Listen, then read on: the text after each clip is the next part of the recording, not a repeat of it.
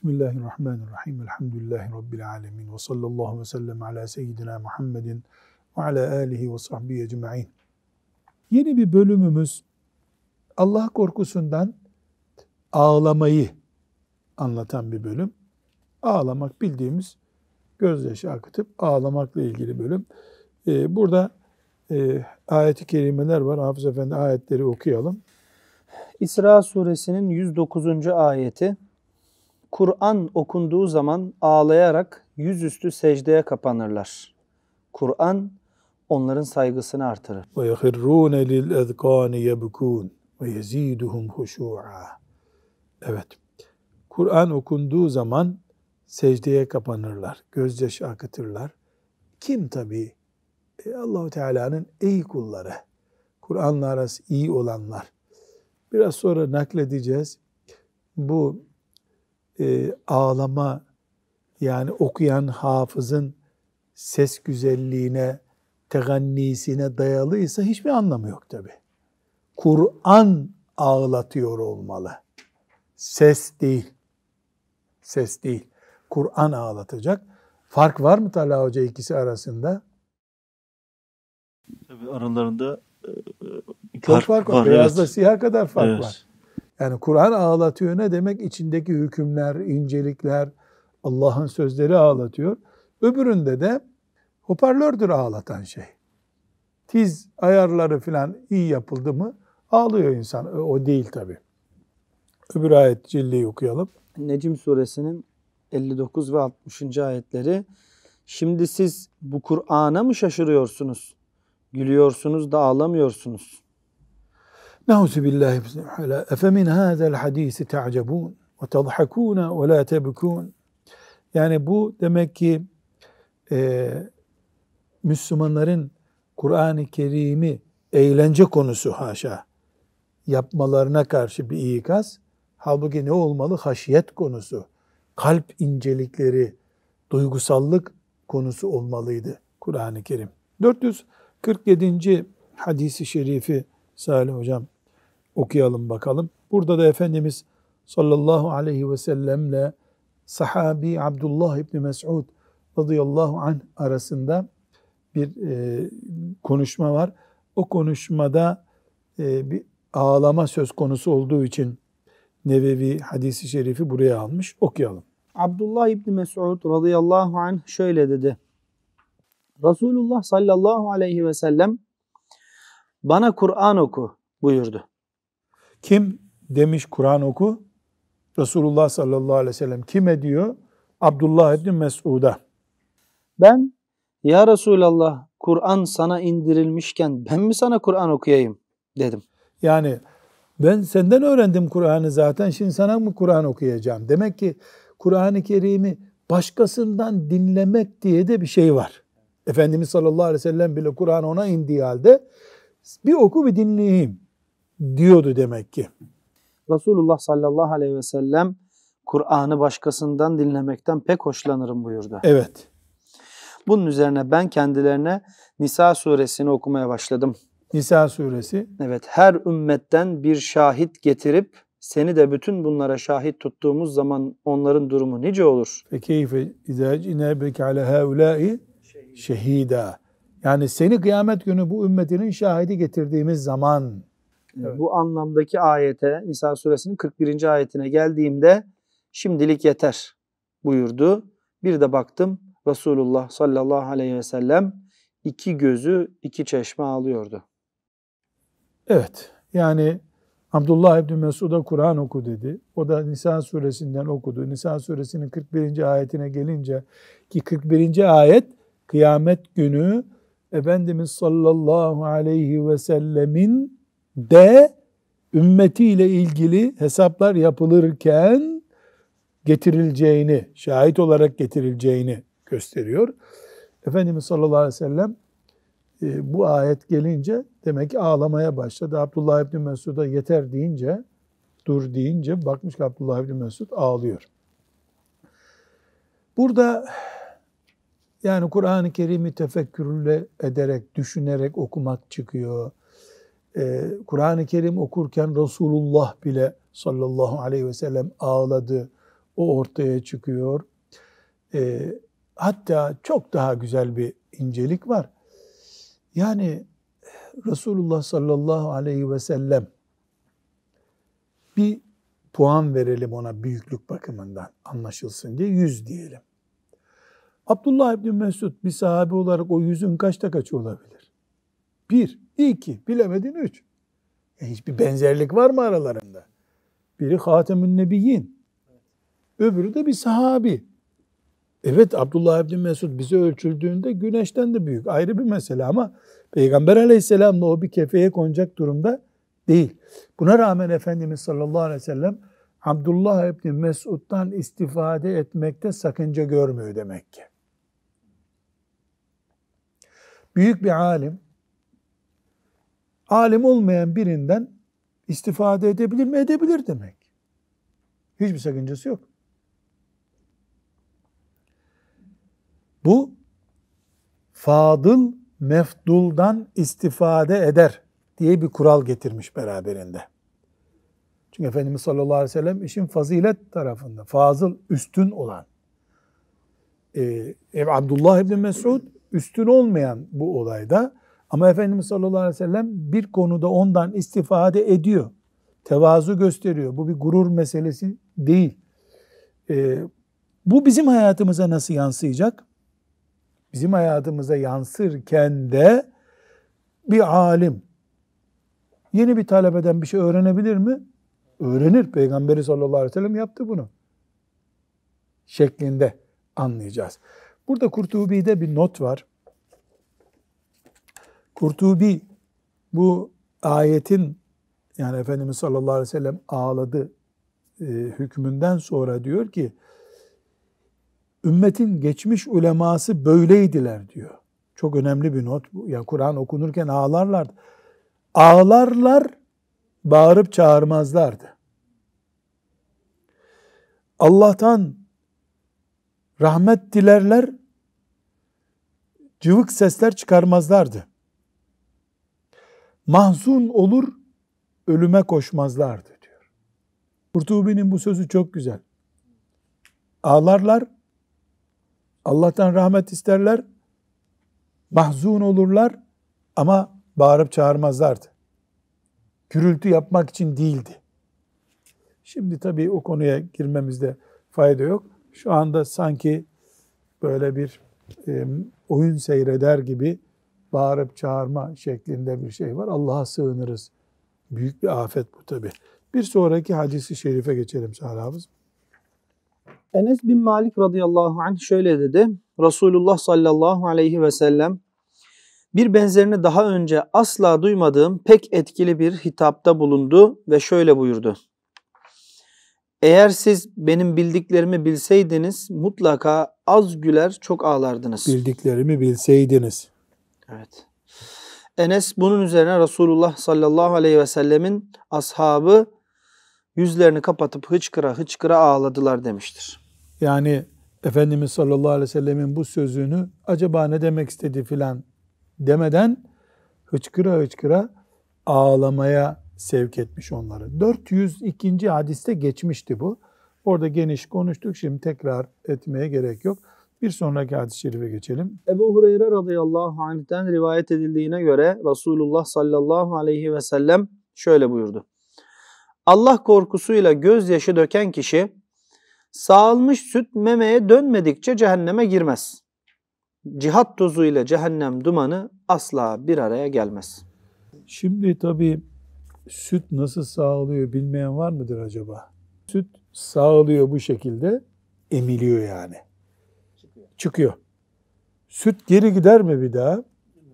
Gitmez. Bunu benzetiyor Efendimiz sallallahu aleyhi ve sellem. Ne buyuruyor?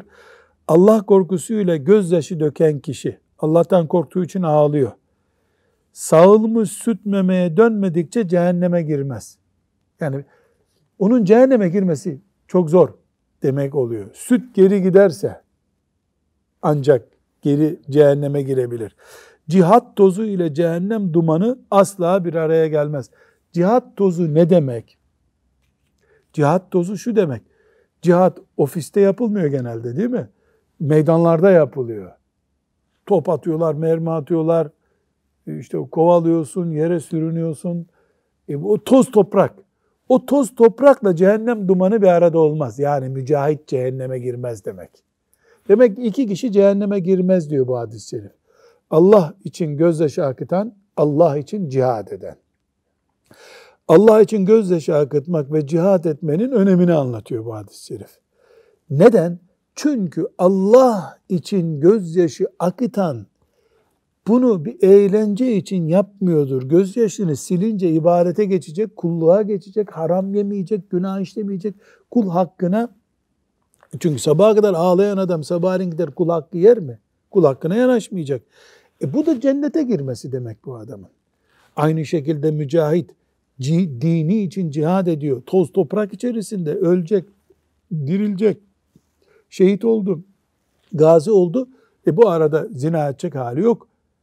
Genel görüntü itibariyle bu iki şey cihad ve Allah için gözyaşı akıtmak insanı salih amele götürür. İyi mümin olmaya götürür. Doğal sonucu da bunun Allah'ın izniyle cennette olmaktır. Evet bir sonraki hadis-i şerifi çok defalar okumuştuk. 377. E, hadis-i şerif olarak da geçmişti daha önce. Şimdi teberruken yine okuyalım. Onlardan biri olmayı Allah bize nasip eder umudu ile. Ebu Hureyre radıyallahu anh'ten rivayet edildiğine göre Resulullah sallallahu, sallallahu aleyhi ve sellem şöyle buyurdu. Başka bir gölgenin bulunmadığı kıyamet gününde Allah Teala yedi sınıf insanı arşının gölgesinde barındıracaktır.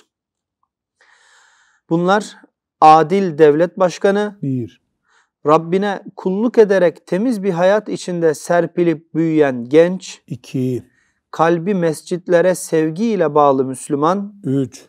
Birbirlerini Allah için sevip birliktelikleri ve ayrılıkları Allah için olan iki insan, dört güzel ve mevki sahibi bir kadının gayrimeşru davetine ben Allah'tan korkarım diye yaklaşmayan yiğit 5.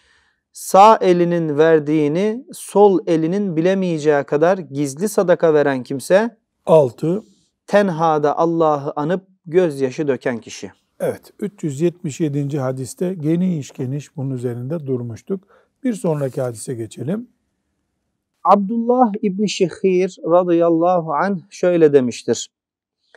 Bir keresinde Resulullah sallallahu aleyhi ve sellemin yanına gitmiştim. Namaz kılıyor ve ağlamaktan dolayı göğsünden kaynayan kazan sesi gibi sesler geliyordu. Efendimiz sallallahu aleyhi ve sellem namaz kılıyor. Namaz kılarken ağlıyor. Bu sahabi nasıl tarif ediyor ağlamayı? Göğsünden kazan kaynayınca fokur fokur fokur ses yapıyor ya öyle ses geliyordu diyor göğsünden. Yani şimdi bizim deyimimizde ta, nabız mı oluyor? Nabzı ne kadar yükselmiş oluyor?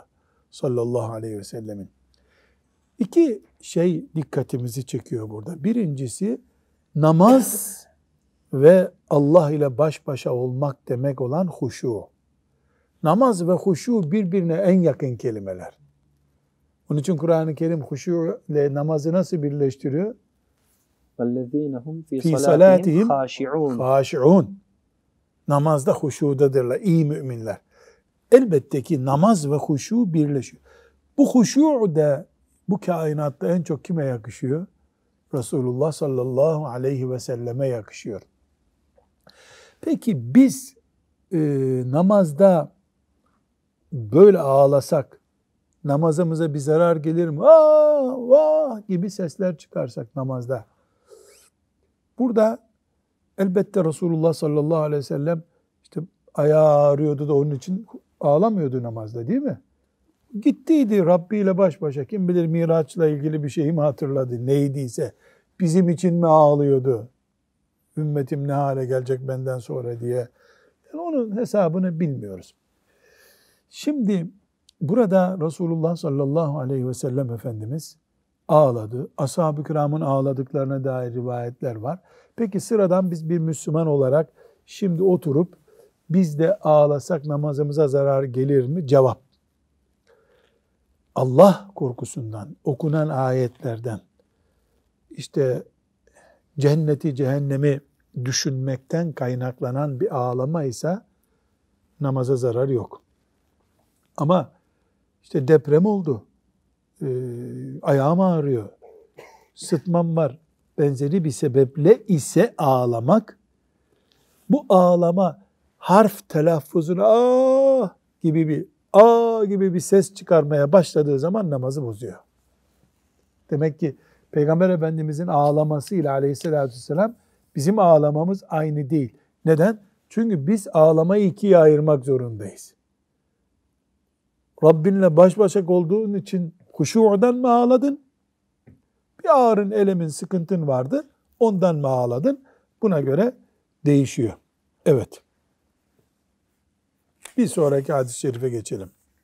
Enes bin Malik radıyallahu anh'ten rivayet edildiğine göre Resulullah sallallahu aleyhi ve sellem Übey İbni Ka'b radıyallahu, radıyallahu anh'a hitaben şöyle buyurmuştur. Übey İbni Ka'b kim? Bir sahabi. Resulullah sallallahu aleyhi ve selleme ilk iman edenlerden bir sahabi. Allah ondan razı olsun. Ee, Kur'an-ı Kerim'i en iyi okuyan sahabi. En iyi hafızı ashab-ı kiramın. Tabi bu onun e, büyük değerini Allah katındaki değerini gösteriyor. Çünkü e, yani 120 bin sahabinin içinde en iyi hafız olmak böyle kazanılır bir yarışma değil herhalde. Rabbim şefaatine nail etsin. Bütün hafızlık icazetlerinde, kıraat icazetlerinde adı var şu anda. Yani şimdi sen mesela e, Abdurrahman Gürses Hoca Efendi'den icazetli bir talebeden icazet aldın değil mi? Senin icazetinde ne yazıyor? İşte Abdurrahman Gürses yukarı doğru gidiyor, gidiyor, gidiyor, gidiyor, gidiyor, gidiyor. Übey ibn Ka'b diyor. O da Resulullah diyor. O da Cebrail diyor. O da Allah'tan diyor. Ya diploma böyle olacak be. Böyle diploma olacak ya. Soyu levh-i mahfuza dayanacak diplomanın ehil olmayı Allah bize nasip etsin o tiplere. Übey ibn Ka'b böyle bir sahabi bir gün Resulullah sallallahu aleyhi ve sellem Efendimizin e, bu sahabiye ait bir hatırasını dinliyoruz şimdi. Evet. Allah Teala lem yekunillezine keferu suresini sana okumamı bana emretti. Yani Efendimiz ona ne buyuruyor? Lem yekunillezine keferu min ehlil kitabi vel müşrikine munfekkine suresini git Übey ibn Kâbe oku demiş Allah kime? Resulullah sallallahu, Resulullah sallallahu aleyhi ve selleme. Bu tabi Übey ibn Kâb için ya Allah işte icazet bir şey olabilir Salih Hafız bu. Ola ki icazet, Übey ibn Kâb'ın icazeti Beyyine suresindendi demek ki. Evet. Übey ibn Kâb Allah benim ismimi mi andı dedi. Resulullah sallallahu aleyhi ve sellem evet buyurdu. Übey ibn Kâb duygulanarak ağladı veya ağlamaya başladı ifadesi de var. Şüphesiz tabi bir sahabinin bu söz karşısında ağlamasını bırak. Yani bayılıp gitsek, ölseydi hakkıydı. Yani levh-i mahfuzda adın anılıyor. Übey ibn Ka'be git filan sureyi oku deniyor. Burada Efendimiz sallallahu aleyhi ve sellemin tevazuunu da görüyoruz ama. Yani sana iman etmiş, elini ayağını öpmeye hazır birisine sana böyle yapmamı Allah emretti diyorsun. Bizim bugünkü ifadelerimize yan koltuğuna oturtuyorsun onu. Allah bu büyük, çok büyük bir e, mübarek bir iş. Onun bereketini gösteriyor, onun sevincini gösteriyor. Buradan bir hüküm de çıkıyor. Demek ki Müslüman onu mutlu eden bir şey duyunca ağlasa bir vebal yok bunda. Mutluluktan ağlamakta var demek. Yani hüzünden ağlamak olduğu gibi mutluluktan da ağlama var. Nitekim bu mübarek sahabi Allah ondan razı olsun mutluluktan ağladı. Hangi sure? Beyyine suresi. Şimdi Hafız Salih bu mübarek sureyi biz senden bir dinlesek hakkımız değil midir? Sen bu mübarek sure-i celileyi bir oku dinleyelim. Bifadlillah. İnşallah e, biz de o ilk okuyanlarla beraber cennette buluşuruz. Euzu billahi mineşşeytanirracim. بسم الله الرحمن الرحيم. لم يكن الذين كفروا من أهل الكتاب والمشركين منفكين حتى تأتيهم البينة. رسول من الله يتلو صحفا مطهرة. فيها كتب قيمة. وما تفرق الذين أوتوا الكتاب إلا من بعد ما جاءتهم البينة. وما أمروا إلا ليعبدوا الله مخلصين له الدين حنفاء ويقيموا الصلاة. ويقيموا الصلاة ويؤتوا الزكاة وذلك دين القيمة. إن الذين كفروا من أهل الكتاب والمشركين في نار جهنم خالدين فيها. أولئك هم شر البرية. إن الذين آمنوا وعملوا الصالحات أولئك هم خير البرية. جزاؤهم عند ربهم جنات عدن تجري من تحتها الأنهار خالدين فيها أبداً. رضي الله عنهم ورضوا عنه ذلك لمن خشي ربه صدق الله العظيم صدق الله العظيم تكبل الله تكبل الله Evet 453. hadisi şerifte 361. hadiste geçmişti. Uzun uzun orada e, üzerinde konuşmuştuk. Teberruken burada da okuyalım. Müslüman gözü yaşaracağı anlar olur. Bunu izah ediyor. Okuyalım. Enes radıyallahu anh'ten rivayet edildiğine göre şöyle demiştir. Resulullah sallallahu aleyhi ve sellemin vefatından sonra Ebu Bekir Ömer'e kalk Ümmü Eymen radıyallahu anhaya gidelim. Resulullah sallallahu aleyhi ve sellemin yaptığı gibi biz de onu ziyaret edelim dedi. Yanına vardıklarında Ümmü Eymen ağladı. Onlar, niçin ağlıyorsun? Allah katındaki nimetin Resulullah sallallahu aleyhi ve sellem için çok daha hayırlı olduğunu bilmiyor musun dediler. Ümmü Eymen radıyallahu anha ben onun için ağlamıyorum. Ben Allah katındaki nimetlerin Peygamber aleyhisselam için elbette daha hayırlı olduğunu biliyorum. Ben vahyin kesilmiş olmasından dolayı ağlıyorum dedi. Ebu Bekir ve Ömer bundan dolayı duygulandı. Ümmü Eymen'le birlikte onlar da ağlamaya başladılar. Yani burada üç sahabi, biri kadın, ikisi erkek, Resulullah sallallahu aleyhi ve sellemin gittiği, ayrıldığı dünyada vahiy kesildi. Bunun için duygulandılar, ağladılar. Kur'an-ı Kerim'in mahzun olduğu bir dünyada da oturup bir milyar Müslümanın ağlaması gerekir diye bir duygu geliyor içime benim. Eğer onların yolundaysak. 361. hadiste geniş bir şekilde geçmişti bu.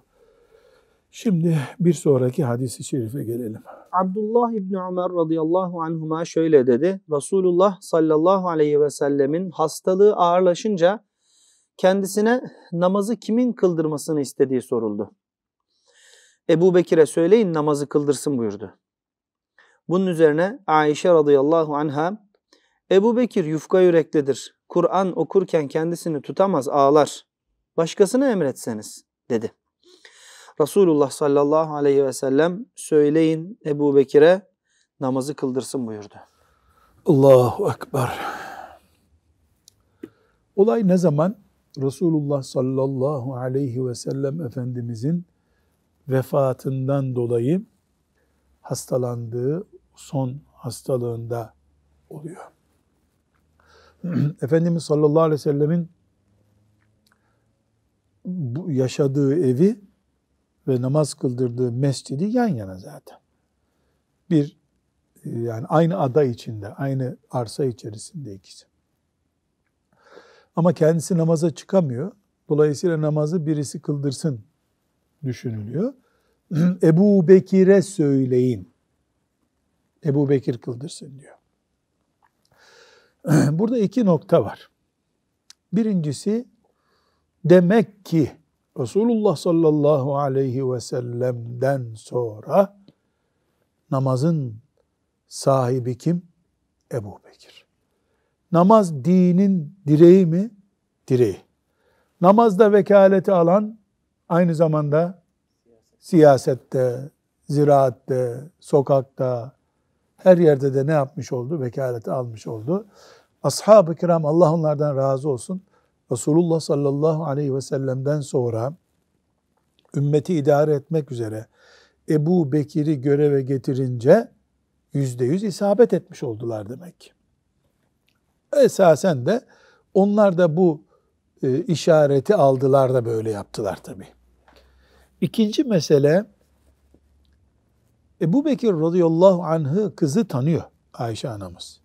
Çok duygusal biri, ince yürekli biri. Başkasına söylesen ya Resulallah diyor. Ee, bu bir müdahale tabi Efendimiz sallallahu aleyhi ve sellem ama saygı dışı bir müdahale anlamında değil. Yani sen burada hasta dururken Ebu Bekir orada namaz bile kıldıramaz. Ağlar sızlar diye hem babasına acıyor hem Allahu alem ya e, yani namazı da düşünüyor. Efendimiz sallallahu aleyhi ve sellem ikinci defa Ebu Bekir'e söyleyin namaz kıldırsın buyuruyor. Bu meseleden de Ebu Bekir'in e, radıyallahu anh azametli mevkii yanında rikkati yani kalp inceliği. Şimdi ne deniyor buna? Duygusallık. Değil mi? Duygusal. Böyle bir kelime için mi kullanılıyor duygusal? Evet, evet. Yani duygusal niteliği de vardı. Allah ondan razı olsun. Ama ben Talha Hoca bir şeyi hep düşünür dururum gençliğimden beri. Bu rikkat sahibi adam, yani adam kelimesini bir mana için kullanıyorum. Bu zekat vermiyoruz diyen bedevilere karşı nasıl arslan kesildi birden? Bunu düşündünüz mü hiç? İki rekat namaz kıldırana kadar boğulur, hıçkırıktan babam gider diye korkuyor kızı. İş şeriatın bir emrinin yerine getirilmemesi söz konusu olunca o rikkat sahibi, o duygusal adam gitti. Medine'de yalnız da kalsam, kurtlar beni parçalasa, Allah'ın dininden bir kıl bile kopartamazsınız. Bu sözler ona ait değil mi? Demek ki Ebu Bekir bu ümmetin en büyüğü, Allah ondan razı olsun. En rikkat, incelik, merhamet, duygusallık sahibi. Ama iş Allah'ın dinine gelince yumuşaklık diye bir şey yok. Yumuşaklık diye. Yani e, bir yıl içinde 14 ayrı savaş kararı vermiş bir adam Ebu Bekir. Radıyallahu anh. Bu zannediyorum üzerinde derin derin tefekkürler yapılması gereken bir mesele. Duygusallıkta, iç aleminde muadili yok. İş dine gelince hiç tanınmıyor bir daha. Rabbim izlerini sürmeyi bize kolay kılsın. Ve sallallahu ve selleme ala seyyidina Muhammed ve ala alihi ve sahbihi ecma'in velhamdülillahi rabbil alemin.